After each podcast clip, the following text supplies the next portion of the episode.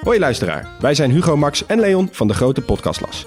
Wij zijn drie geografen en elke week behandelen wij een ander land. We bespreken onder andere de geschiedenis, politiek, natuur, maar ook de sport, de muziek en natuurlijk het eten. De nijlpaarden van Pablo Escobar, de vele bunkers van Albanië en het verschil tussen een sheik en een emir zijn zomaar wat voorbeelden die langskomen. Maar we bespreken ook de geopolitieke invloed van China in Afrika en de impact van het Europese kolonialisme. Luister dus wekelijks naar de audioversie van de Atlas, de grote podcastlas. Hi, Ari hier. Even voordat we beginnen wil ik je graag wijzen op mijn nieuwe boek Trainen voor het leven. Krachttraining verbetert de kwaliteit van leven. Dat is de kern van het boek. Wanneer we ouder worden, verliezen we spierkracht. Opstaan vanaf de bank, iets boven ons hoofd wegleggen, veters strikken, evenwicht bewaren, twee zware boodschappentassen tillen of een klein kind optillen. Het wordt allemaal wat moeilijker wanneer je op leeftijd raakt. Maar die alledaagse dingen, die kun je trainen. Je kunt er op elke leeftijd nog beter in worden. In dit boek deel ik de oefeningen die ik gebruik als ik mijn ouders van 80 train, steeds vanuit een praktische benadering. Wat wil je nog kunnen als je ouder wordt? Welke bewegingen heb je nodig om goed te blijven functioneren en hoe kunnen we daarvoor trainen? Een boek voor je ouders dus. Kortie Media. Dit is een serie over voeding en Ari's gast vandaag is Didi Joosten van het online coachingplatform No Nonsense. Daarmee helpt ze vrouwen op een gezond gewicht te komen zonder dieet of een streng sportregime.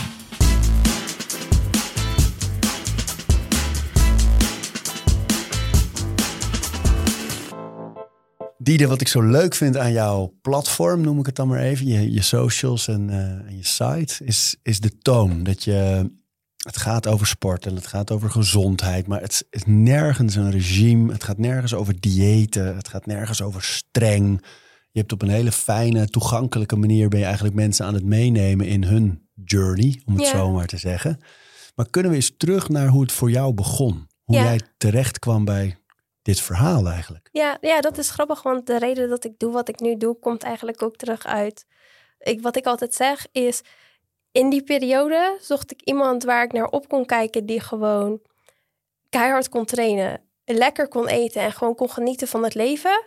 En die persoon miste ik heel erg en dat is nu wie ik ben. Dus ja, ik kwam van een periode en dat is nu, ik denk zes jaar geleden, dus was ik heel jong, 17, 18. Dat is waar de meeste meiden een Je beetje... bent nog steeds heel jong, hè? Ik ben nog steeds Hey, heel jong, maar ik ben al... dan zwanger ja, zijn. precies. Maar zes jaar, ik vind, denk altijd zes jaar, joh, dat, dat is al een tijdje.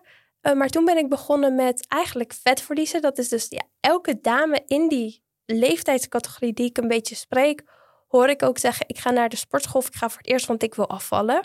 Ja, dat was ik dus ook. En, ehm, En waarom was dat? Vond je jezelf te zwaar? ja, ik heb een high school jaar in Amerika gedaan. Ehm, en ja, Amerika is Amerika, weinig bewegen, heel veel eten. Dus ik kwam best wel zwaarder terug dan hoe ik ging. En toen dacht ik eigenlijk, nou, ik ben hier niet tevreden mee. Ik ga studeren, ik wil het wil toch anders. Dus ik ging naar een sportschool met de hey, ik wil vet verliezen. En toen al vrij snel, ik denk vier maanden in, ben ik begonnen met een voedingsplan. Ik dacht, dat is de juiste manier. Als ik dan een voedingsplan heb, dan gaat het nog beter. Want ik wist zelf eigenlijk helemaal niet wat ik aan het doen was. En waar bestond het voedingsplan uit? Dat weet ik dus nog precies op de dag van nu. Echt? Zo rigide heb ik het dus gevolgd. Ik weet nog precies hoe dat voedingsplan was. Dat was kwark in de ochtend, dan twee eieren. Dan crackers, drie crackers met eh, eh, vleesbeleg. Dan een eiwitshake. Avondeten was pasta, rijst, groenten en dan weer kwark. Dat heb ik ook twee jaar lang gegeten, dus ik weet het nog precies. Dus over het algemeen een prima... Het, het bevatte alle voedingsstoffen. Het was een prima plan. Maar ik heb nooit geleerd hey, hoe eet ik eigenlijk gezond? Hoe eet ik bewust? Wat doe ik als ik een keer buiten de deur ga eten? Dat krijg je snel als je een voedingsplan volgt. Dus toen ben ik begonnen met een voedingsplan, trainen. En toen moest het altijd meer, meer, meer. En daar ben ik eigenlijk, als ik het verhaal even heel kort hou, want ik kan er heel veel over vertellen. Hoeft niet, hè? Ja, nee, Hoeft maar anders zit, zit hier Het is heel lang. radio-item, hè? Nee, maar toen ben ik echt enorm in doorgeslagen eigenlijk. En dat is begonnen bij een voedingsplan. En dat heeft eigenlijk geleid naar geen balans in mijn eten. Ik moest alleen maar trainen, trainen, trainen, eten, eten, eten. Alles op de weegschaal, want ik zou toch maar 160 gram eten in plaats van 150 gram. Omdat niemand me verteld heeft dat ja, kwark is kwark. Of ik nou twee lepels neem of één lepel. Ja, dat maakt dan het verschil niet. Maar goed, dat dacht ik toen wel. En je ziet zag en nu nog steeds op social media ook constant meiden die alles op de weegschaal gooiden. En elk handje eh, walnoten lag op de weegschaal en trainen, trainen, trainen. Dus ik dacht, als ik er zo uit moet zien, wil zien, dan moet ik dat doen. Zonder überhaupt nagedacht te hebben over, hey, wat is gezondheid echt? Waar word ik echt gelukkig van? Dus zo is dat een beetje doorgegroeid naar, ja, in een periode van twee jaar gewoon zo obsessief bezig. En dat heeft zich doorgevormd in binge eating. Tot een punt dat ik nog, ik was naar voor stage naar Aruba gegaan. Ik zat toen nog op de hotelschool. En Aruba is een eiland. Uh, broccoli kost 6 euro. Nou, dan heb je me paniek, want ik moest broccoli eten in de avond. Dus shit, hoe doe ik het? Nou, enorm doorgeslagen, want dan valt je hele voedingspatroon valt weg. Ja, ik weet het nog wel dat op punt 20 eiwitrepen had. En dan nog naar de Wendy's ging en dan nog naar de supermarkt. Zo ver was het eigenlijk. En dan de volgende dag, zes uur in de ochtend in de sportschool, want ik moest toch die stappen zetten.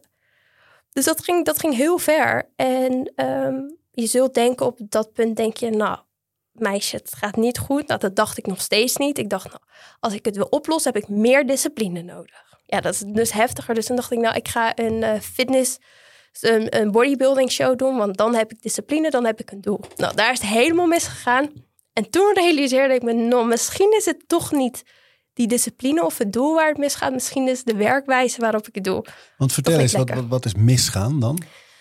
Nou ja, als je al hoort dat, dat ik in een avond 20 eiwitrepen weg kan eten. Ja, ik, in, we hebben het over een tijdsbestek van 10 minuten. Hè? En dan nog naar de Wendy's gaan voor een burger en een milkshake en een frietje. En dan nog naar de supermarkt. Ja, dat is niet gezond. En dat, dat is één keer, maar we hebben het niet over dat gebeurt één keer. Dat gebeurt een paar keer in de week. En wat, wat voelde je daarbij dan? Ja, als je dus. Ik vind het nu lastig om te beschrijven, omdat ik het nu jaren niet meer gehad heb. Maar een binge is echt, dan zit je gewoon in een. Je leeft een leven waarvan je niks ongezonds mag eten. Tussen haakjes ongezond, want ik vind dat een lastige term om te gebruiken. Maar op het moment dat je dan één keer dat ritme doorbreekt door één eiwitreep te eten die je eigenlijk niet mag eten, dan zijn alle remmen los. Dus dan is het van, ja, ik heb het nu verpest laat ik dan nu alles eten en dan beginnen we morgen weer goed. Dat is een beetje de gedachtegang. En als je dan in een binge zit, dan, ehm, ja, dan, dan, dan eet je zonder dat je erover nadenkt. Je hebt het eigenlijk niet door, je zit gewoon in een, in een wazen.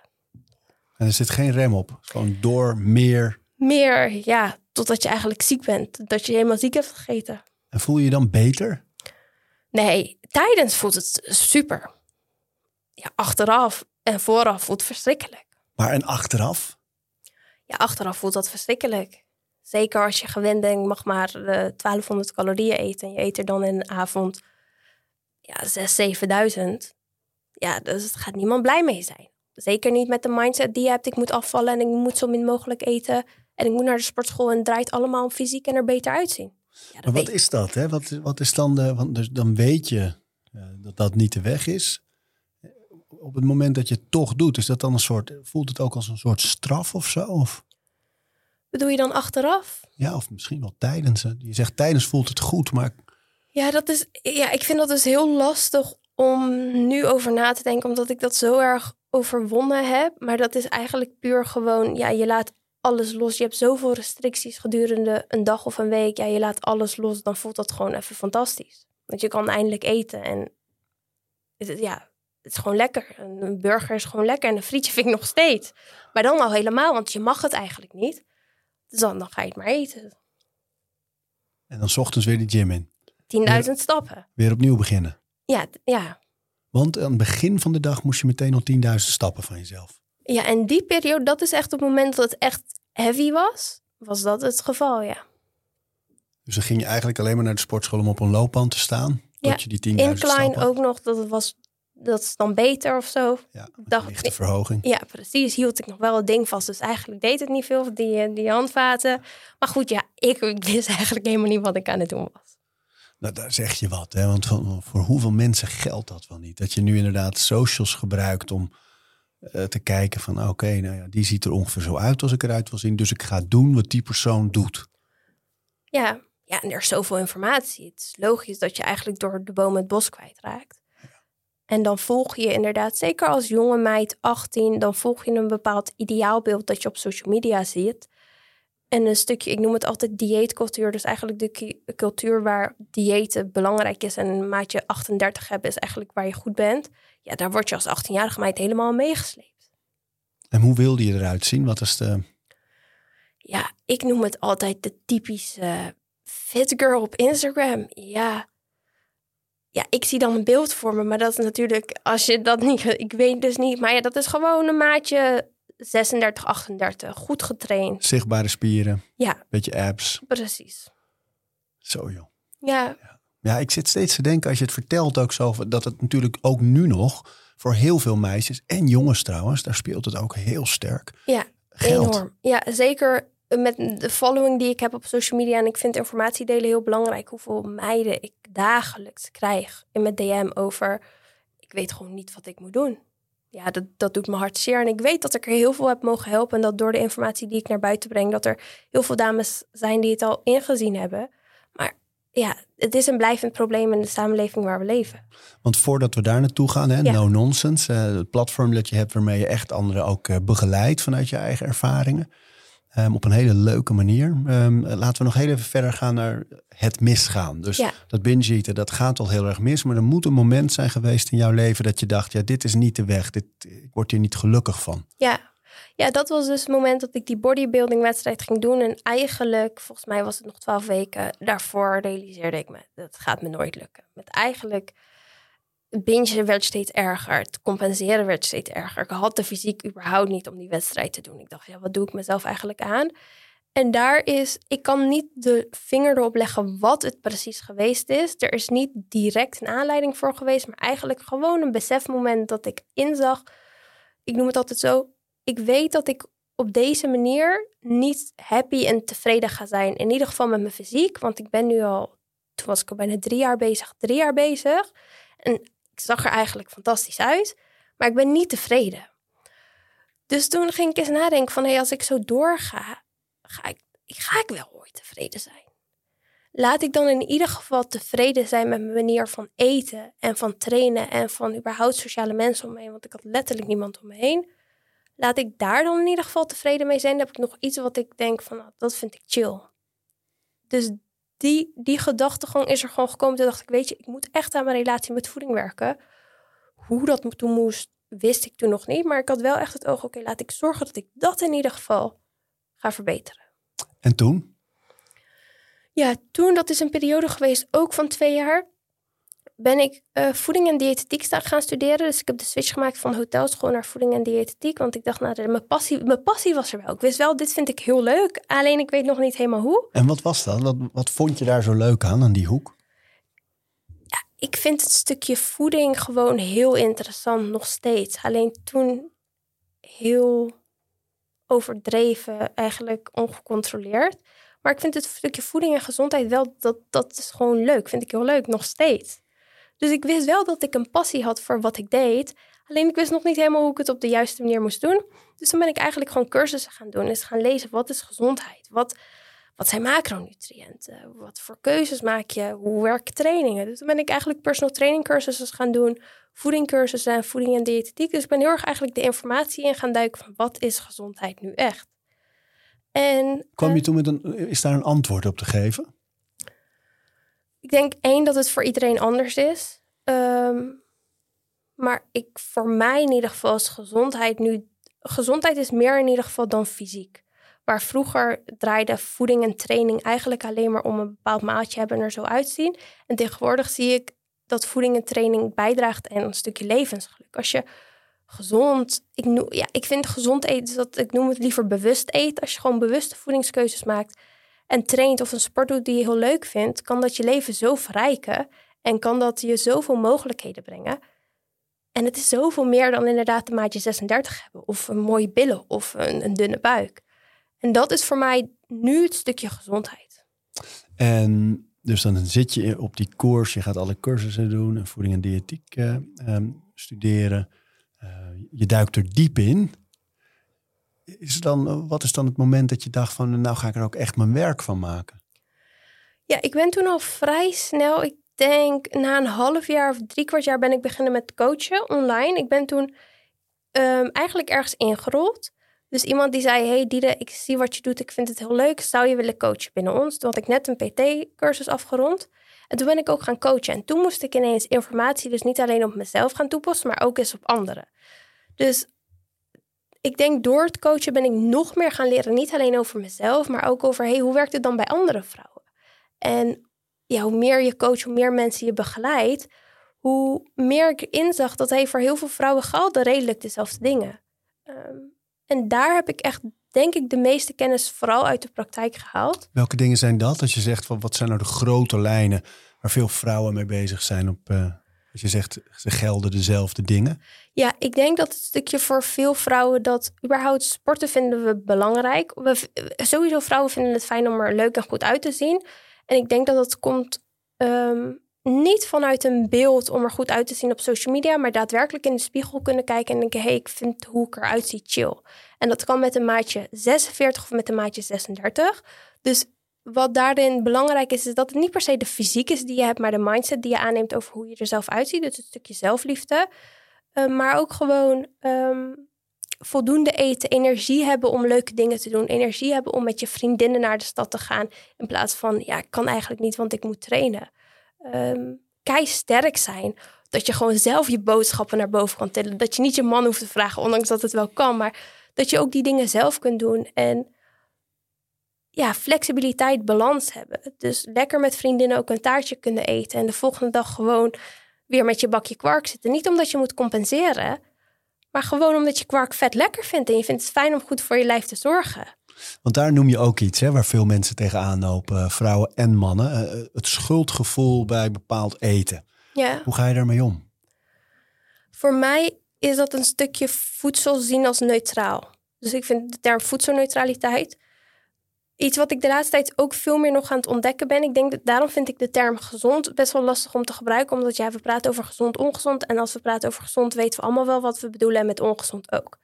Maar is het zo dat een burger eten direct ongezond is? Ja, het is niet de meest bewuste keuze. En als je elke avond een burger eet, voel je je waarschijnlijk niet heel chill. Maar betekent dat dat we nooit een burger kunnen eten? Maar doordat we heel veel praten over dat gezond en ongezond, zien mensen dat wel gelijk van: oh shit, als ik een burger eet, heb ik het helemaal verpest. Ja, dat is ook hoe we het op, ja, niet voor niets heet het junkfood. Dat is ook hoe we het zien en hoe we het op tv zien en hoe we het eigenlijk bij iedereen zien. Maar een burger is niet per se. Ja, draait om de, om het grotere plaatje daarin. Ehm, dus dat is voor mij heel belangrijk geweest. Voedsel niet meer zien als ja, neutraal zien. Dus niet als gezond of ongezond, maar gewoon kijken: hey, hoe kan ik mijn lichaam het beste voeden, fysiek en mentaal? Hoe zie jij dat? Want ik denk dat er, er zijn wel verschillende meningen over. En ik geloof ook niet dat wat ik denk, dat dat gelijk voor iedereen moet gelden. Maar ik vind die balans daar wel heel belangrijk in. Ja, zeker. Het, um, kijk, voor mij gaan deze jaren heel erg over uh, bewerkt voedsel tegenover onbewerkt. Hè. Dus ik probeer uh, zoveel mogelijk onbewerkt voedsel te eten. Maar nog steeds eet ik bijvoorbeeld ook brood wat bewerkt voedsel is. Of inderdaad heust ook wel eens een burger. En ik leun daar altijd heel graag op dat 80-20 principe. Dat, dat ik gewoon weet, oké, ik weet wat de koers is. Ik weet wat de dingen zijn die mij energie geven. Die uh, echt voedend zijn voor mijn lichaam. Ik wil 80% van de tijd in mijn leven wil ik dat goed doen. En die 20% die is wat nonchalanter. Dus daar zit inderdaad die verjaardag, dat ik me goed te buiten gaan, een hele fly. Ja. Uh, of uh, een zak chips met uh, vinegar smaak en zout, weet je wel. Dat is mijn ehm, favoriet. Ja, nou, dat wist ik. Ik heb mijn research gedaan. Um, dus, dus daar leun ik heel erg op. Maar mijn streven is wel om zoveel mogelijk dingen te eten waarvan ik weet, die, die voeden me echt. Weet je? Daar zit, zitten dingen in die ik nodig heb, die me energie geven, die me kracht geven. Die zorgen voor bouw, voor ontwikkeling, voor goede hormonen, voor gezonde darmen, ja. uh, voor goede nachtrust, uh, voor de kracht om te trainen. Um, dus daar kijk ik wel heel erg naar. Maar ik zal me niet schuldig voelen als ik een dag uh, sticky toffee cake met vanille-ijs eet. Ja. En dan die 80-20 betekent in mijn leven in ieder geval dat het inderdaad niet zo is dat ik dat dan elke avond eet. Maar als ik het een keer eet, is er niks aan de hand. Juist omdat ik die routines over het algemeen redelijk goed heb, kan ik ook heel makkelijk een avondje of een ochtendje of wat dan ook afwijken. Want het, want het is een afwijking. Weet je ja. ja, een mooie vraag die ik dan vaak krijg is dan van ja, hoe weet je dan dat je een keer een burger mag eten en je niet schuldig over hoeft te voelen? Maar ik denk wat ik uit jouw verhaal hoor en wat ik nu zelf ook ervaar, is dat we heel intuïtief eten. We weten van hé, hey, dit zijn voedingsstoffen die we belangrijk vinden, dit zijn voedingskeuzes die we belangrijk vinden. Op het moment dat je een, een stuk taart eet, eet je dat ook bewust op een verjaardag. Maar komt dat schuldgevoel er niet direct naast, omdat we weten hey, dat kan ook. Terwijl bij veel vrouwen, ik praat vaak over vrouwen, dat mannen niet denken van waarom praat ze nooit over mannen. Maar vrouwen is echt waar ik, waar ik me mee bezig hou. Dus, maar veel geldt ook voor mannen. Uh, maar bij veel vrouwen is het toch dat relatief heet. Het is ongezond, het is slecht. Dus als ik dat in één keer eet, dan, dan is het verkeerd of dat, dan doe ik wat verkeerd. Word ik dik? Ja, precies. Ja, er zit, uh, bij iedereen is het anders. Maar, er wat is je antwoord dan als ze, als ze jou dat vragen? Wat zeg je daarop? Ja, het makkelijke term daarop te geven is ja, als je één keer een salade eet, voel je je dan ineens fantastisch en ben je ineens een superhero. Ja, dat is ook niet het geval. Dus is dat dan ook zo als je één keer een burger eet, is dan echt alles verpest? Is dat echt zo? En vaak weten we wel dat het niet echt zo is. Maar door voedsel niet te zien als neutraal, vaak een slecht zelfbeeld te hebben, is dat wel wat er in de werkelijkheid omgaat. En dat heb ik toen ook ervaren. In het vorige seizoen van deze serie uh, maakten we een aflevering over afvallen met uh, Noordin Patipiloi, een, uh, een diëtist ook. En, um, en die had het over context. Die zei precies eigenlijk wat jij net zei: van je moet het niet hebben over goed en slecht eten. Het gaat om de context. En toen noemde hij als voorbeeld van stel, jij bent een marathon aan het lopen en ik sta langs de kant en ik heb in de ene hand een broccoli, stronk en aan de andere kant een snicker. In de context van die marathon is de broccoli niet de beste keuze. Terwijl dat wel is wat we natuurlijk normaal gesproken gezond noemen. Um, maar in de context van die marathon heb je die snelle suikers nodig van die snicker. Dus hij, zei, dus op die manier moet je altijd eerst naar de context kijken. En ik merkte dat toen hij dat vertelde, dat ik best wel een beetje een conflict uh, heb ervaren. Omdat ik voor mij heel erg gaat over echt voedsel. Ik wil echt voedsel. Uh, dus niet te veel wat uit zo'n fabriek komt of wat anderszins samengesteld is door mensen vooral. Um, dat wil ik zoveel mogelijk beperken. Dus voor mij uh, blijft het zo dat die broccoli is de keuze. Ja. Maar ik snap ook wel dat er een context is waarin dat andere nodig is. Net als dat je bijvoorbeeld crossfitters op een groot toernooi... dat ze acht keer per dag een, een stevige heat moeten doen. Ja, die kunnen die, die, die pizza's quattro formaggi en al die gummy bears de hele dag door... die kunnen ze wel aan, want die verbranden het dik. Ja. Dus dan maakt het niet uit. Dus het, het blijft een heel moeilijk veld. En ik denk, voor, voor mij in ieder geval helpt het heel erg om te denken... oké, 80-20. Ja, 80-20. De 80% die kant en 20% kan je echt wel afwijken. Dan is er geen man overboord. ja. En zorg ervoor dat je je nooit, nooit, nooit schuldig voelt over iets dat je eet. Want eten is emotie, is positief, is smaak, is proeven, is genieten, is delen. Is... Ja, wat ik dan ook nog wel een mooie toevoeging vind voor die 80-20. En nogmaals over wat je net zei. Ik denk ook niet dat er een goed of fout is. Ik denk niet dat er één ding is en we moeten allemaal zo eten en het is allemaal goed. Voor de een werkt de een niet beter en voor de ander werkt iets anders beter. Maar wat ik met die 80-20 wel eens merk, dat vrouwen, ik bijvoorbeeld in het verleden zou daar heel erg op zitten. Oké, dus dan mag ik eigenlijk maar één snicker, want anders is het 70-30. Heb ik het dan met Ja. Snap je? Dat, dat kan ook weer heel ver gaan in Ja, een ja. slechte relatie met voeding. Dus wat ik vrouwen dan ook altijd mee hoef te geven, is het gaat ook weer groter dan om één dag. Soms eet je één dag, nou dan eet je maar een keer helemaal niks voedzaams.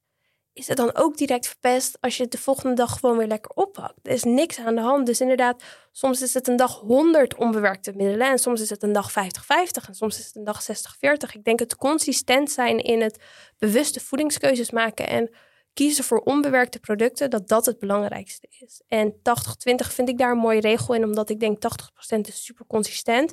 Maar is dat een keer 75? Ja, so be it. Nou, inderdaad, daar geef ik je helemaal gelijk. Want het is ook heel moeilijk om de afweging, want dit is precies 80. Ja, dat is net... Ja, Ja, Dat ja. kan- ik had daar heel erg in doorgedraaid. Ik ga niet met een, eh, met een Nee. rekenmachientje ik mag nog maar één half stukje fly, want anders zit, Zit ik toch... als Ja. 75, jongens. Oei. Ja, en, en denk ook, daar komt ook de vraag natuurlijk waarom? Ja. Waarom zou je? En ik denk dat daar veel mensen ook de mist in gaan, toch wel. Omdat ze dan inderdaad toch dat afvallen voor ogen hebben. Ik moet afvallen, dus ik mag niet. ja, En dan heb je met woorden als mag niet, moet. Dat is allemaal heel streng, is helemaal liefdeloos. Plus je relatie met voeding is gewoon helemaal verstoord daardoor. Als het ineens gaat over wat wel en niet mag. Weet je Ja. wel? Het is zo moeilijk om daarvan los te komen. Ja, ja, en daar ben ik dus helemaal aan doorgedraaid. En ik denk het, het, wat jij ook aangeeft, ik zei ook heel erg voor onbewerkte producten eten en zoveel mogelijk producten en voedingsmiddelen die mij voeden. Maar we kunnen er als samenleving niet omheen dat je, als je hier buiten de deur loopt, ja, je kunt al een snicker halen of je kunt een AA'tje halen. Ga je naar, het, het is er overal. Dus om dan gelijk te zeggen, het is allemaal slecht. Ik denk dat dat ik hoop dat we naar een samenleving komen waar je straks makkelijker een appel kan halen dan een snicker. Dat zou fantastisch zijn. Maar we zitten nu met heel veel snoep in de winkel en heel veel chocola. Kunnen we dan niet beter kijken hoe we ermee om kunnen gaan? En hoe we kunnen werken om toch goede, bewuste keuzes te maken. In plaats van dat we zeggen: nee, snoep is fout en chocola is fout. Ja, het ligt in de winkel. Laten we mensen vertellen hoe ze ermee om kunnen gaan, hoe ze het kunnen verwerken in een goed gebalanceerd dieet. Ja, Ik denk dat, dat, dat ik dat heel belangrijk vind. nou, dus als we teruggaan naar jouw eigen verhaal, hè, dat je, je was helemaal doorgeslagen, verstoorde relatie, dan kies je voor die weg met de kennis, eh, de opleidingen, ehm, om er uiteindelijk in te gaan werken. Dus als jij nu kijkt naar, naar wat je net schetst aan vragen, hè, van hoe leer ik ermee omgaan? Ja, Wat, wat is dan nu je antwoord daarop? omgaan met. Dus de- dat, feit dat, dat er- dat, al die dingen er nou eenmaal zijn in ons leven en dat er een marketing eh, achter zit van het is een miljardenindustrie, Ja, de voedingsmiddelenindustrie, die ons op allerlei manieren eh, verleidt en er zelfs voor gezorgd heeft dat we de hele dag door eten, wat we vroeger helemaal niet deden. Dus daar zit nogal wat geweld. En hoe ga je om met die verleiding? ja. Laat ik eh, wat voor mij in de praktijk denk ik de doorslag heeft gegeven. En nu ga je misschien denken, je gaat iedereen vertellen snoep te eten. Technisch gezien wel, maar dat is niet waar ik naartoe wil. is om gewoon is, wat ik toen besloten had, is ik vond dus Haribo, vind ik super lekker. Color Raiders, ook heel specifiek, vond ik fantastisch. Wat ik toen dacht is, ik ga elke training voordat ik ga trainen, een handje van die snoepjes pakken. Zes. En dan ga ik gelijk trainen, ben ik de deur uit, dan weet ik ook, dan eet ik niet de hele pot op. Dat heb ik, ik denk een half jaar achter elkaar gedaan. En op een gegeven moment werd dat, dat Haribo helemaal niet zo speciaal. Want ik kon het eigenlijk gewoon eten. Ik kon het pakken. Ik had het eigenlijk elke dag. Dus nu als ik dan naar de winkel sta, ik sta voor het snoepvak, denk ik, ja, ja, ik mag het toch eten. Maar eigenlijk kies ik dan liever een mango of een aardbei. Want dat vind ik eigenlijk een stuk lekkerder. En dat vind ik chiller. Dus voor mij, en wat ik heel graag wil meegeven, is als je voeding ziet of goed als slecht, wil je eigenlijk die restrictie eraf halen van ik mag het niet. En dit is heel complex, dus ik kan de tips geven, maar het is echt veel complexer dan dat. En mensen hebben daar misschien ook meer professionele hulp bij nodig, dus laat ik dat voorop stellen. Maar het kan heel erg helpen om eens te beginnen met, hey, welke voedingsmiddelen zie ik als slecht? Wat mag ik echt niet eten en waar komt dat vandaan? En dan is na te gaan, is het ook echt slecht? Of kan ik het prima verwerken in een gebalanceerd dieet? Want jouw gedachte dan was van als ik een, klein handje, zes van die color rainbows. Ja, Color Raider Haribo, zoiets Color heet het. Raider. Ja, je zult het vast een keer zien nu als je in de winkel loopt. Ja, once it's seen. Ja. Maar ehm, dan nam je er zes. En de gedachte was dan, als ik dan meteen ga trainen, dan heb ik en die suikers voor mijn training, een soort pre-workout. Ja. En eh, ik verbrand het ook meteen. Nou ja, voor dat niet per se, want dan krijg je toch wel een beetje die houding van als ik snoep eet, moet ik het verbranden. Voor mij was het meer, ik weet dat als ik thuis ben met snoep op en toen zat ik nog een beetje in die herstel, dan is de kans dat ik dan die hele pot ga leeg eten. En dat wilde ik niet, maar ik wilde wel heel erg kijken naar hoe kan ik meer dingen die ik zie als slecht gaan verwerken in mijn dieet om te leren dat het niet slecht is. Dus als ik het dan pak en dan de deur uit ben, ik ga trainen, dan heb ik helemaal niet meer mijn hoofd bij die, bij die color raider. En een mooi voorbeeld voor de praktijk is, stel iemand heeft het nu met chocola en denkt, hé, hey, ja, ik vind chocola super lekker, maar ik zie het als enorm slecht, maar ik wil wel van die restrictie af, omdat ik weet dat het me tegenhoudt. Dan zou je ook kunnen zeggen, hey, ik begin eens met een eh, warme chocomel of met, weet je, van die chocopops. Is niet direct dan chocola, waarvan je weet, als ik daar één stukje van eet, eet, ik de hele reep op. Maar zo kun je wel langzaam, ik noem het altijd een ladder opbouwen, van hey, ik begin dus met chocopops. Nou, dat eet ik drie maanden en het gaat eigenlijk helemaal goed. Nou, dan ga ik eens chocomel drinken. Nou, dat gaat eigenlijk ook heel goed. Dan ga ik eens kijken of ik hagelslag in mijn kwarren kan doen. En zo bouw je steeds een beetje op naar... hey, ik kan die slechte dingen zoals ik ze zie verwerken in mijn dieet. En je zult merken met de tijd, het is een proces. Dat je op een gegeven moment komt met chocola... en dat je dat dan drie maanden eet. En op een gegeven moment denk je, ja, nou, dan, dan blijft het maar in de kast liggen... en weet je eigenlijk helemaal niet meer dat je het hebt. En ehm, zo heb ik dat dus met dat snoep gedaan, want ik had dat met dat snoep. Maar ik denk dat dat een hele mooie praktische tip is voor als je dus die, die restricties uit je dieet wilt halen. Kijk eens waarom je restricties hebt en hoe je eens die ladder kunt opbouwen van hé, hey, waar voel ik me nog goed bij? Voelt een beetje oncomfortabel, maar weet ik, hé, hey, dit kan ik. En chocopop zou dan bijvoorbeeld een mooie optie zijn als je graag meer chocola wilt verwerken in je dieet. Dus je pakt wel die chocolade, maar je mindert eigenlijk het type. Of je zorgt ervoor dat je hoeveelheden neemt die te overzien zijn. In plaats van dat je maar door eet tot het op is. Dat is ja, want ik kan, me, dan. ja, ik kan me heel goed voorstellen als jij geen chocola mag eten van jezelf. En dat doe je al twee, drie jaar. En ik vertel je nu, ja, maar chocola is goed. Je mag prima chocola eten. Er zitten antioxidanten in. Ja, maar als je, dan die, ja, maar als je dan die chocola in huis had, dat je dan ineens die hele reep gaat eten. Dan denk je, ja, leuk die dat je het zegt. Maar op deze manier ga ik ook niet die portiecontrole of die 80-20 kunnen hanteren. Want chocola in huis is het vreten. Dat was bij mij ook. Dus als je het dan wat kleiner maakt, chocola is het hoogste van de trap, daar wil je naartoe. Begin eens gewoon bij de eerste treden. Al is het een keer pure chocola, dat zou je ook kunnen zeggen. Misschien voel je daar, is dat iets chiller. Of, dus zo kun je heel mooi die trap opbouwen van toch die restricties uit je dieet halen, zonder dat je ineens alle chocola uit de supermarkt over je heen moet krijgen. Mooi. Maar dat dus komt dus wel uit van als je die restricties ervaart en voeding neutraler wilt zien in een verslechterde relatie met voeding, zou ik wel echt zeggen: kijk eens hoe je die producten kunt verwerken in je dieet. Zonder ze meteen in de band te doen dus. Ja. Ja. Heb je nog meer van dat soort tips en tricks om om te gaan met die, dat geweld van die voedingsindustrie, marketing en alle verleidingen die er zijn? Ja, wat jij net heel mooi zei, is, is gaan kijken, hey, ehm, dieetcultuur, wat we heel veel zien op social media, is eten om een bepaald lichaam uit te zien. Kun je dat veranderen naar eten om je lichaam te voeden? Dus eigenlijk gezondheidsbased eten versus eh, fysiek-based eten. Ik denk die mind shift maken, dat dat heel veel vrouwen kan helpen. Van, hey, ik ga eens eten omdat ik me sterk wil voelen. Ik wil met mijn kind kunnen spelen. Ik wil ehm 100 kilo deadliften. In plaats van ik eet omdat ik in die broek wil passen. Of anders vindt niemand mij goed genoeg. Of ik wil in die bikini. En ik denk die mind shift maken, dat dat heel veel verschil kan maken. Want dan ga je ineens hele andere voedingskeuzes maken. Dan ga je niet twee rijstwafels met kipfilet eten voor de lunch. Want dan kan je helemaal niet die 100 kilo deadliften straks. Want dan heb je gewoon simpelweg geen energie.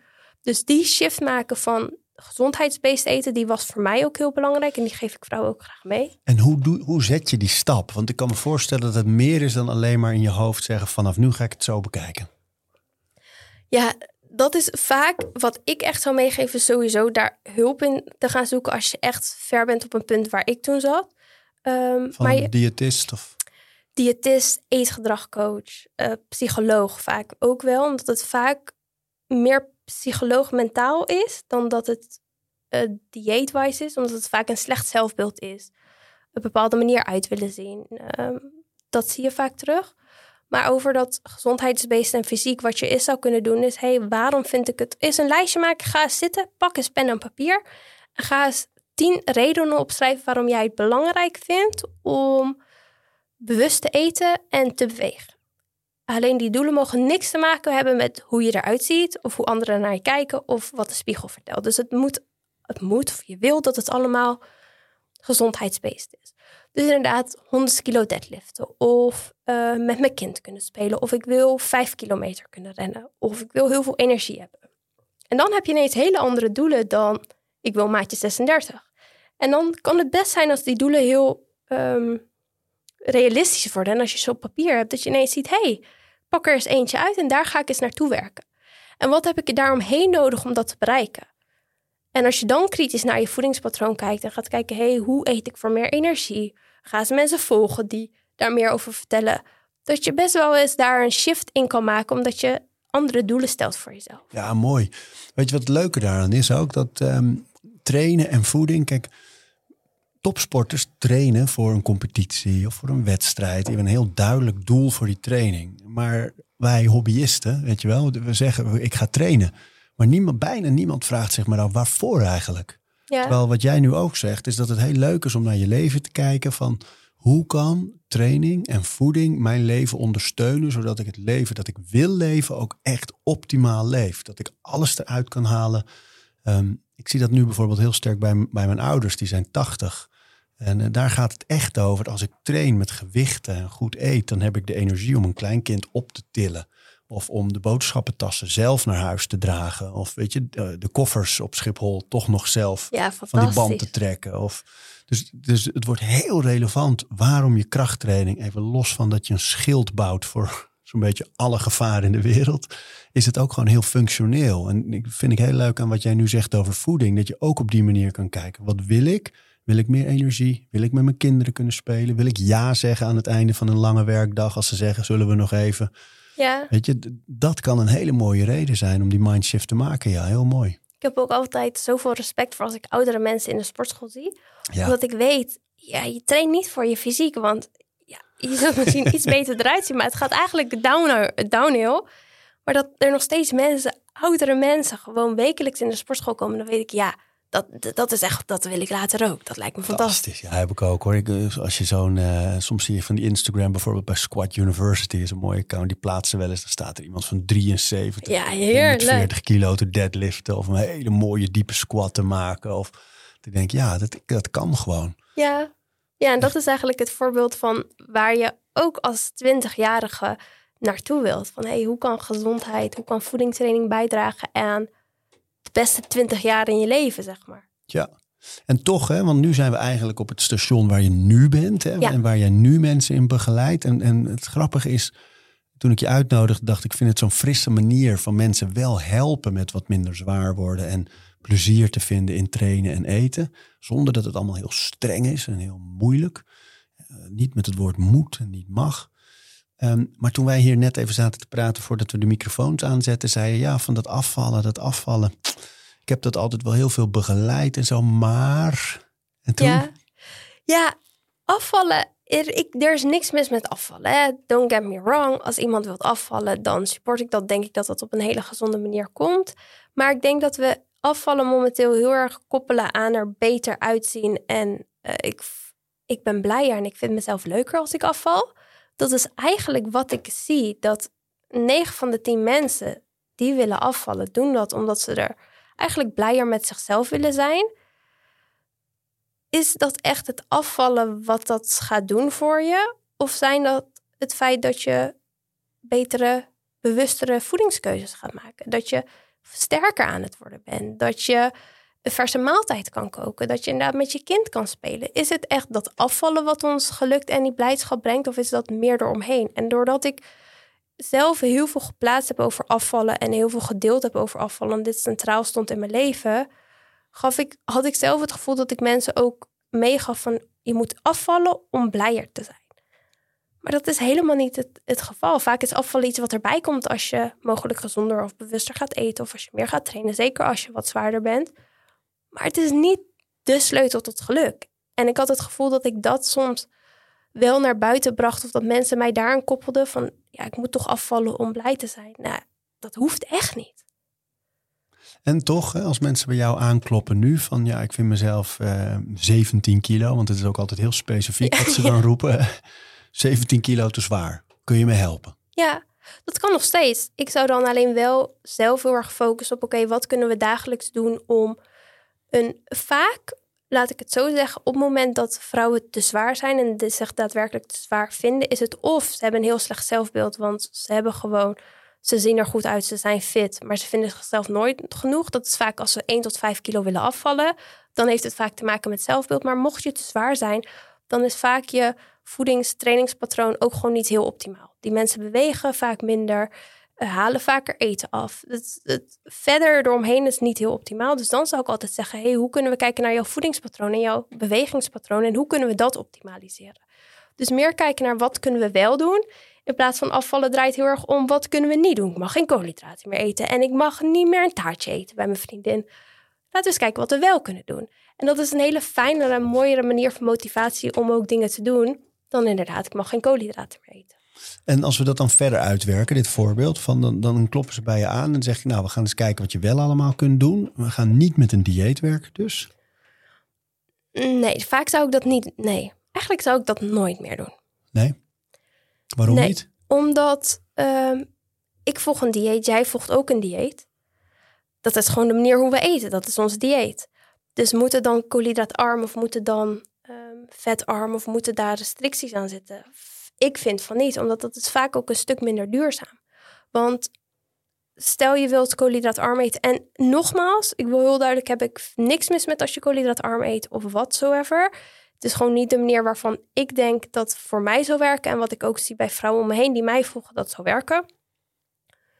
Je wilt een keer taart eten op de verjaardag van je vriendin. Is, er gaat een dag komen dat je dat wil eten. Als je koolhydraatarm eet, zit die kans er vaak niet in. Want dan krijg je weer, ook ik heb het verpest als ik taart eet. Omdat koolhydraten zijn, worden dan toch slecht gezien. Dus daarom vind ik het heel mooi om te kijken, hey, wat kunnen we meer doen? Kun je meer groente eten? Kun je onbewerkter eten? Kun je een verse maaltijd koken? Heb je pauze? Nou, laten we eens vijf minuten naar buiten gaan, omdat is een stuk duurzamer. En dat is iets wat je kunt doen totdat je 80 bent. Hebben mensen het geduld daarvoor? Wat ik zie, eh, ja, dat is, dat is een hele goede vraag.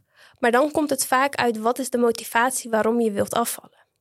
Want inderdaad, als je er goed uit wilt zien in een bikini en je gaat toevallig volgende week op vakantie, ja, dan ga je het niet redden als je inderdaad meer groente gaat eten deze week. Dat kan ik je vertellen. Dus ik vind daarom ook heel mooi om te zeggen, nou, we gaan daar ook geen specifieke doelstelling in zetten van dan moet je je doel behaald hebben. Maar we gaan weer gezondheidsdoelen zetten. Want dat, dat kun je nakomen. Je kunt 100 kilo squatten. Je kunt een wedstrijd rennen. Je kunt drie keer in de week naar de sportschool gaan. Daar heb je allemaal controle op. Maar 17 kilo afgevallen zijn op 17 april. Ja, hoe weet je op uh, 23 maart of je goed bezig bent? Ja, precies. Dat is gewoon in de praktijk niet heel realistisch. Nee, het is mooi met die concrete doelen. Hè? Je hebt, uh, je hebt zo'n hele goede theorie over dingen volhouden. Dat je, je hebt altijd natuurlijk dat doel nodig en dat moet heel specifiek zijn, goed geformuleerd. Dat je echt, dus het is niet ik wil meer groente eten, maar ik ga twee keer per dag groente eten bij mijn maaltijden bijvoorbeeld. Ja. Niet ik ga meer sporten, maar ik ga elke dag een half uur intensief bewegen. De, doel specifiek, dan heb je het gedrag. Dus dat zijn de dingen die op het doel gericht moeten zijn, het, de dingen die je ervoor doet. En dan heb je de omgeving. En die omgeving moet altijd worden aangepast om dat gedrag in stand te houden op dat doel gericht. En, en daar gaan denk ik veel mensen fout van. Komt in zo'n leven dat al boordevol prioriteiten zit, hè, ramvol gepland. Ja. Komt ineens zo'n nieuwe prioriteit en die moet daar dan maar tussen geduwd worden. Dus als daar niet iets wordt aangepast en, en ruimte wordt gemaakt voor dat nieuwe gedrag, ja, dan gaat het natuurlijk nooit uh, goed. Dat, Ja. dat hou je niet vol. En ik denk dat dat met voeding nog veel moeilijker is. Omdat met voeding zit vaak al een leven aan patronen, aan gewoontes. En dus mensen denken, ja, maar ik ga een crash dieet doen. En dan zien ze de kilo's er even afvliegen. En ja, dan denk je, dat is succesvol. En anderen zien het ook, dus die gaan het ook doen. Terwijl iedereen weet inmiddels toch hopelijk ook dat het yo-yo effect er ook niet voor niks is. Dat denk ik dus dat iedereen dat weet. Het is niet zo. Ik verbaas me elke keer toch weer hoe niet. Ik had toevallig een paar dagen geleden met iemand het gesprek. En die zag, ehm, toen zeiden we ook, nou, ik, ik dacht inmiddels dat mensen wisten dat koolhydraten niet dik maken. En toen was er dus iemand in de sportschool die dus nog steeds met aluminiumfolie, zeg maar om je, we- je weet een beetje die trend. En dan op de, op de Stairmaster, en dan een personal trainer die dat dan doet.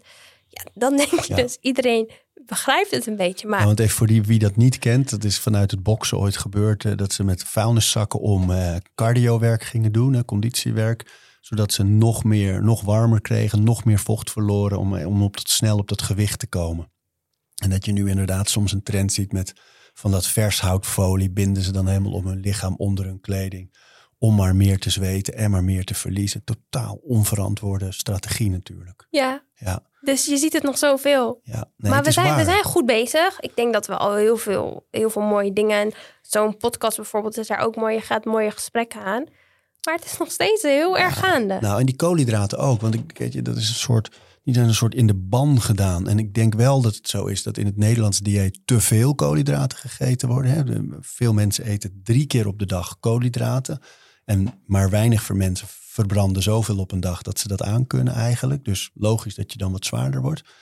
Alleen koolhydraten in de ban, dan denk ik heel vaak, maar kijk eens hoe het eigenlijk altijd geweest is. Als je gewoon drie keer op een dag eet, niet de hele dag door zoals we nu doen, dan kan je zeker een, een, een, middag brood eten en s'avonds nog aardappelen. En dan zit je wel goed nog steeds. Het Ja. is niet de koolhydraat die het gevaar is. Vaak wat je ziet, is zijn het ook de koolhydraten in combinatie met vetten. Wat het doet. Want een koolhydraat aan zich, een onbewerkte koolhydraatbron is prima om te consumeren. Maar we hebben het hier inderdaad over de chocola, de, de koeken, alles wat we in de supermarkt hebben liggen. Ja, zet hier maar een, een pak koeken neer. Ja, je eet er makkelijk drie op. Het vult totaal niet. Maar eet elke dag maar eens eh, vier of vijf boterhammen. Dat zul je zien dat het misschien een stuk lastiger gaat. Dus ik denk dat de keuze die je daarin maakt, dat daar ook belang, belangrijk in is. En dat je toch vaak ziet dat die combinatie koolhydraten plus vetten, dat zijn, ik wil niet zeggen boosdoeners, maar we zetten koolhydraten in een ban, terwijl ik vind dat dat niet hoeft.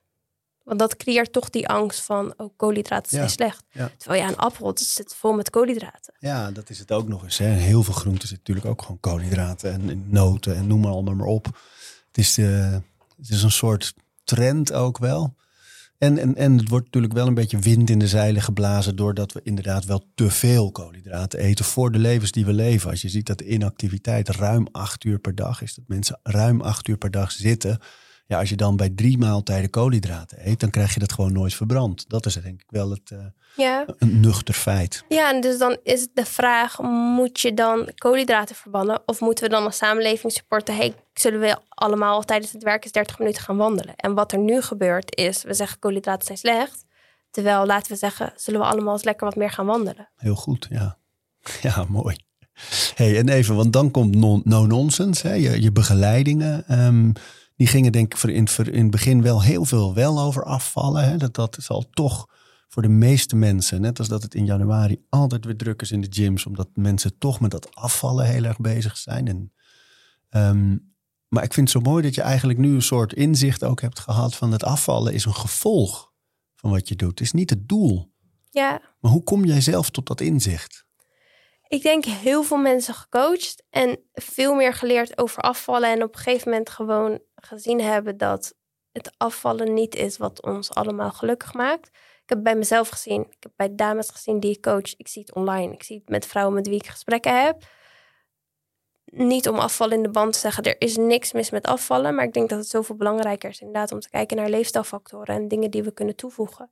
Dus dat is een, een, een kwestie geweest van jaren vrouwen begeleiden mezelf dingen leren en dingen zien doen. En eens kijken van, ik word eigenlijk echt blij van lekker op reis gaan. En lekker kaart trainen. En dat veel meer vrouwen kijken, ja, ik heb eigenlijk hetzelfde. En ik ben fysiek niet veranderd, maar ik voel me ineens zoveel blijer en gelukkiger. En dat had eigenlijk helemaal niet te maken met hoe ik eruit zag.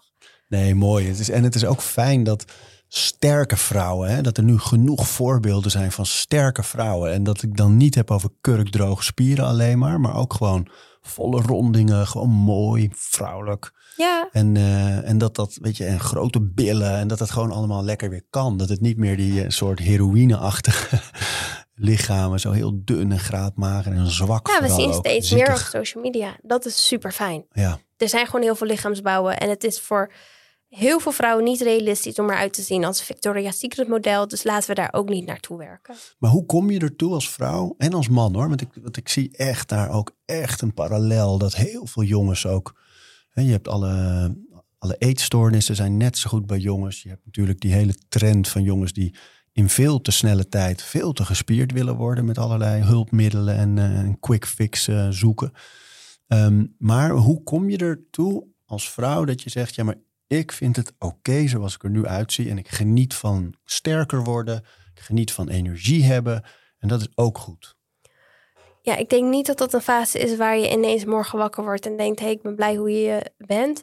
Ik denk dat het stukje wat we al besproken hebben, gezondheidsbeest eten, dat daar belangrijk in is. Voedsel neutraal zien. Dus inderdaad, ik kan alles eten en ik kan ook gewoon lekker genieten als ik met mijn vriendinnen een taartje doe. Eh, een stukje zelfcompassie en zelfliefde komt daar denk ik ook in terug. Ehm, dus is vaker stilstaan bij dankbaarheid, vind ik bijvoorbeeld heel mooi. Dan denk je, wat heeft het ermee te maken? Maar dagelijks is opschrijven, hé, hey, ik ben dankbaar voor... Ik heb eten in de koelkast en het is droog vandaag. Dat je eens gaat kijken, hé, hey, wat zijn dingen die ik wel heb? Wat zijn dingen die mijn familie heeft? Mijn familie is gezond. Dat je steeds bewuster wordt van, wat is echt belangrijk voor jezelf? Is dat echt er op een bepaalde manier uitzien? Of is dat het feit dat je gezond bent? Is het feit dat je je boodschappen kan doen, dat je lekker kan eten? Um, en interessant, dat gaan we wel een beetje een andere kant op, is het stukje hoe ik mezelf kleed, heeft daar ook een grote invloed op gehad. Zo stond ik in de periode dat ik enorm onzeker was, altijd een sport BH en een legging op de foto's. Nou, als ik nu terugkijk, ik kan geen foto vinden in een periode van twee jaar in een sportschool waar ik niet een sport geen niet iets bedekkends aan heb. Dus ik was constant bezig met ook die waardering zoeken bij anderen. Van, ik wilde het ook horen, je ziet er goed uit. Waar ik nu als je mijn social media ziet, vind maar iets bloot. Het is niet te vinden, omdat ik me eigenlijk ook bewust niet meer zoveel kleed. En dat heeft enigszins te maken met mijn uh, religie die ik gekozen heb. Maar ook, ik heb ingezien dat ik me niet naakt hoef te kleden om goed te voelen over mezelf. Um, waar ik naartoe wil, ik weet het niet precies. Maar dat is iets wat ik wel heel belangrijk vind om mee te geven. Daar is ook die stukje zelfcompassie uit. Ik hoef niet van iedereen te horen, ziet er goed uit. Ik kan in de spiegel kijken en denken, hé, hey, dat vind ik fijn. Dus die mate van kleden heeft voor mij een grote invloed gehad. En dat is ook dat stukje zelfcompassie. Lief zijn voor jezelf. Is tegen jezelf zeggen, je bent goed bezig. Dankbaarheid. Joh, Dat- bij- lijkt bijna of je een beetje van ontroerd. Ja, nee, dat is voor mij heeft dat een hele grote, grote impact gehad. En je ziet, je ziet het steeds meer gewoon, ja, het moet allemaal naakt. En mensen vragen dan ook, waarom post je geen foto's van bikini? Want we willen je allemaal zien in bikini. Ja, maar dat zegt toch niks over mij? Maak, ik, maak me dat leuker of een beter persoon? Of is het, kan ik waarde bieden door te vertellen wat, wat mijn obstakels zijn geweest? Kan ik jullie echt helpen? Dan ben ik echt waardevol bezig. Dan Mooi. dat ik een foto in bikini plaats met een hartje eronder. Ja, wat, wat voeg ik dan echt toe aan de maatschappij? Nou ja, dat is denk ik met socials een heel moeilijk eh, vraagstuk. Omdat ehm, je plaatst uiteraard ook dingen om zodat anderen het zien. En in jouw geval heb je een hele mooie koers, kun je anderen echt helpen. Dus dan krijg je socials ook een, een andere strategie eigenlijk van ik plaats dingen om anderen te helpen. Ik heb zelf bijvoorbeeld in alle dingen die ik doe, leid ik ze altijd terug naar ik ben ervan overtuigd dat meer mensen gezond een mooiere samenleving oplevert. Hoe Ja. meer mensen gezond zijn, hoe mooier onze samenleving wordt. Dus alle dingen die ik toets, eh, doe, die toets ik aan die zin. Van klopt het daarbij? Hè? Mijn bedrijf, mijn podcast, mijn boeken, mijn dingen, de evenementen, lezingen, presentaties. Het moet altijd daaraan te toetsen zijn. En dan klopt het. En dan Ja, geeft het mij voldoening. En daarin heeft het geen zin inderdaad om alleen maar te laten zien eh, allemaal men's health covers of eh, weet je wel. Of, en natuurlijk heb ik soms mijn ego dat ik ook wel denk, ja jongens, ik heb vijf keer op die cover gestaan. Ik heb nog nooit een man mag ook. zoveel op die. Dan denk ik, fuck man, dat is ego. Dat is helemaal Ja. niet belangrijk. Nee, En, Ja, eh, maar ik wil ook zeker niet meegeven dat ik het fout vind als iemand, ik volgens mij de zat, die naakt er op social media staan. Is in definitie niks mis mee, maar wat voor mij was het heel erg reflectie van ik moet horen dat ik er goed uitzag. En ik moet 30 foto's maken en dan is eentje de juiste. En naarmate mijn relatie met voeding en zelfbeeld verbeteren, merkte ik ook dat ik eigenlijk nooit meer echt foto's maak. Of niet in de mate dat ik het toen deed, zeg maar. En je hebt dat is. bevestiging niet nodig. Nee, precies. Dan is het nog steeds leuk om een compliment te krijgen van, nou bijvoorbeeld lijkt, lijkt me in jouw geval van, oh je hebt me echt geholpen met eh, gezonder worden of zo. Dat is natuurlijk een leuke bevestiging dat je goed bezig bent. Maar je hebt het niet nodig om een foto te plaatsen waarvan je weet, nou er komen 10.000 likes op. Of eh, Ja, dat is het Ja. verschil.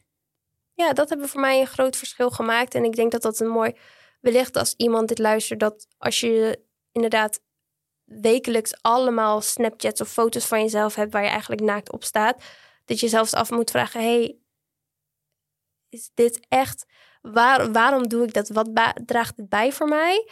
En wil ik niet eens op zoek gaan naar, hey, hoe kan ik daadwerkelijk blij en happy zijn met mezelf, zonder dat iedereen constant moet zeggen dat je er goed uitziet. Ja, het is gek, hè? Want dus, ik ken ook wel trainers bijvoorbeeld, vrouwelijke trainers, die ook gewoon in een soort bijna feministische hoek zitten van ja, maar ik laat zien wat ik wil en als het bloot is, is het bloot. En als het, weet je, daar zit ook, daar zit ook een vorm van kracht. Dus je hebt soms van ja, inderdaad, laat het maar zien en eh, bepaal je eigen koers en het maakt niet uit hoe mensen erop reageren. Doe wat je voelt. Daar zit ook iets moois. En ik vind tegelijkertijd ook wat jij zegt heel interessant. Van ja, je hoeft niet die bevestiging te zoeken door altijd maar bloot te laten zien. Dat, Ja. dat, dat is allebei waar op de een of andere manier. Hè? Ik denk dat de intentie daar het belangrijkste in is. En ik ben daar ook niet iemand die zegt het is goed of fout. Het is niet dat ik tegen die vrouwen zou zeggen, nou jullie zijn echt fout bezig.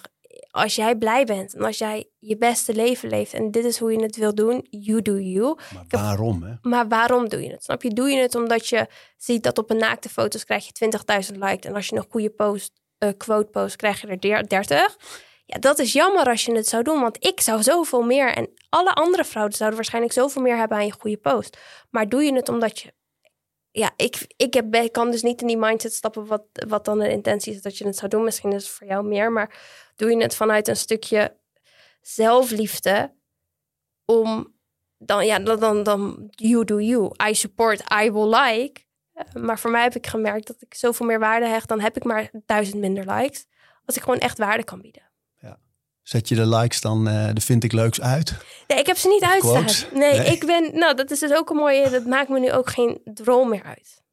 Of het nou 20 likes zijn of 20.000. No nonsense. Hè? Keep it no nonsense. Dat is ehm, ja, een beetje de mindset die ik daar wel graag aan wil nemen. Ja, man. Leuk hoor. En nou ben je zwanger. Ja, ook dat nog. Hey. Maar daar komt ook weer een mooie terug wat we net zeiden over oudere mensen in de sport. Gewoon, jij nam je ouders als voorbeeld. Ja, als je zwanger bent, dan kan je echt niet meer trainen voor je fysiek. Want je wordt alleen maar dikker, bij wijze van spreken. Dus dan draait het echt. Hey, hoe kan ik trainen om zo fit mogelijk een bevalling in te gaan? Hoe kan ik trainen dat ik straks mijn kind kan tillen en de boodschappentas? Dus dan komt dat gezondheidsbeest eten en trainen nog meer terug. En nog belangrijker. Dus ik, naast dat ik het altijd heb mogen zeggen en mogen ervaren, ervaar ik het nu de dag meer dan ever. Ja, specifiek hè. Ja, Ja. Ik vind dat zo mooi. Ik weet je, grappig genoeg heb ik het gevoel dat COVID daarin heeft geholpen. Dus waar het natuurlijk vooral een negatieve periode was verder, heeft het er wel voor gezorgd dat het iets minder, als het gaat over fitness, sport en gezondheid, iets minder ging over bikini-lichamen, sixpacks en meer over het is je schild tegen een virus, het is je weerstand, het is je energie, het is je veerkracht. 100% Ehm, optimisme. Dat is echt door iets negatiefs kan ook iets moois ontstaan, blijkt maar weer. Want dat is echt wel een beetje de koers die nu veel meer gevaren wordt. En er veel meer wetenschappelijk onderzoek is ook over het belang van krachttraining voor duurzaam leven.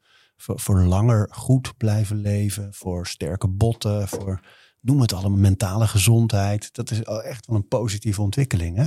Ja, ja, hoeveel vrouwen zag je vier jaar geleden thuis met een matje en een dumbbell staan sporten? Ja. Nou, ik heb ze niet gezien.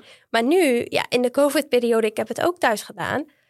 Ja, je gaat toch anders nadenken over, ja, ik zit de hele dag binnen, nou, dan ga ik maar even bewegen, ga even wandelen.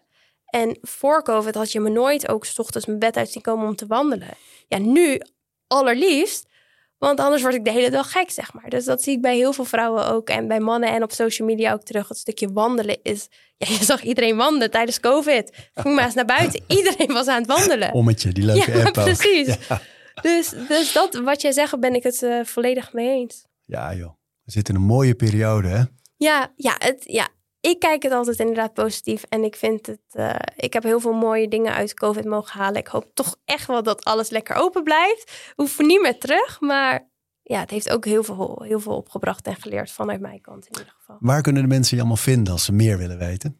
Ja, ik doe dus ehm, via social media gewoon Didi Joosten. Eigenlijk alles onder Didi Joosten. Ja, jij staat ook helemaal bekend als Adi Booms. Maar eigenlijk is dat fantastisch, want dan hoef je niks anders te zoeken of te, te weten. Dus onder Didi Joosten en ehm, eh, ik doe veel via No Nonsense. Maar dat zie je ook wel weer terug bij Didi Joosten. Dus ja, daar deel ik lekker, lekker mijn dingen. En ehm, kun je nog veel meer zien en lezen. Tot slot, stel dat mensen naar je zitten te luisteren en denken van ja, van, van- maar waar begin ik? Waar begin ik? Die vraag krijg jij veel, weet ik. Wat zeg je daarop?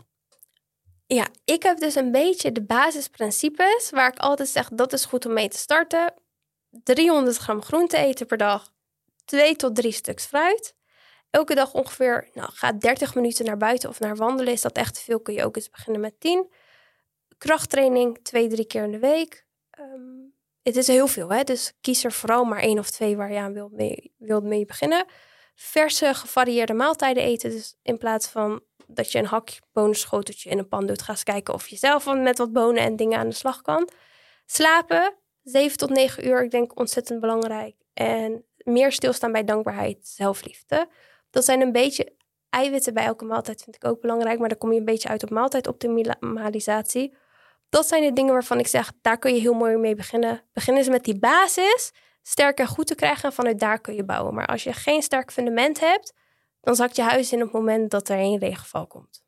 En nou wilde ik afronden, maar nu zei jij maaltijdoptimalisatie. En Oh, daar wil je weer op hey, die moeten we nog even horen van je. Ja. Want je zei proteïne bij elke maaltijd. Nou, wat ik een beetje zelf in de regels aanhoud. een wat ik- serie over voeding. Hè? Ja, Dus nu gaan, we, nu gaan we eigenlijk pas beginnen. Nee, wat ik zelf fijn vind om me aan te houden, in ieder geval voor drie maaltijden, drie tot vier maaltijden in de dag. Ik ben zelf iemand die graag meer eet. Is groente of fruit bij elke maaltijd. Ik ben echt een fruiteter. Ik, mijn motto is ook mensen mij kennen, eat your fruit. Want we moeten gewoon allemaal meer fruit eten. Groente ook heel goed. Ik ben iets minder fan van groente. Eh, maar dus groente of fruit bij elke maaltijd. Ik zou, ja, jij hebt het dus over koolhydraatbronnen. Ik zou dus wel zeggen, verwerk een koolhydraatbron bij elke maaltijd. Maar kies dan inderdaad voor een cracker of een boterham. Of ehm, ja, een onbewerkte koolhydraatbron. Dus dan hebben we het niet over. Ehm, eiwitbron bij elke maaltijd. En een onbewerkte vetbron. Dus een handje noten of eh, gerookte zalm. Twee keer vette vis in de week. En Eigenlijk de basisprincipes waar we het wat we allemaal terug kunnen vinden, enigszins op voedingscentrum, wat niet altijd heel correct is, maar een beetje die basiselementen, groente, fruit, eiwitten, onbewerkte producten, dat verwerken in een mooie maaltijd. En achteraf kunnen zeggen, hey, ik ben vol, maar ik heb mezelf niet vol gegeten. Dankjewel. Ben je het mee eens? Wil je toevoegen? Want ik, Nee, nee, nee, nee, nee. Dit was zo'n mooie tirade. Ik had hem al afgerond. Ja. Ik dacht, ik, nu je hebt de tune eroverheen. nee, dat, is, eh, dat is fijn. Ja. Leuk. Ja, nou, dankjewel. jij ook. Leuk dat je er was. Dankjewel. Bedankt dat je luisterde. Elke donderdag stuur ik een mailtje met drie leuke tips. Boeken, docu's, artikelen die ik tegenkwam, producten en accounts waar ik zelf veel aan had en waarvan ik denk dat jij ze ook inspirerend vindt. Wil je dat mailtje ook graag ontvangen? Schrijf je dan in op mijn website ariboomsma.nl. Dan stuur ik je voortaan elke donderdag een mailtje met drie leuke tips.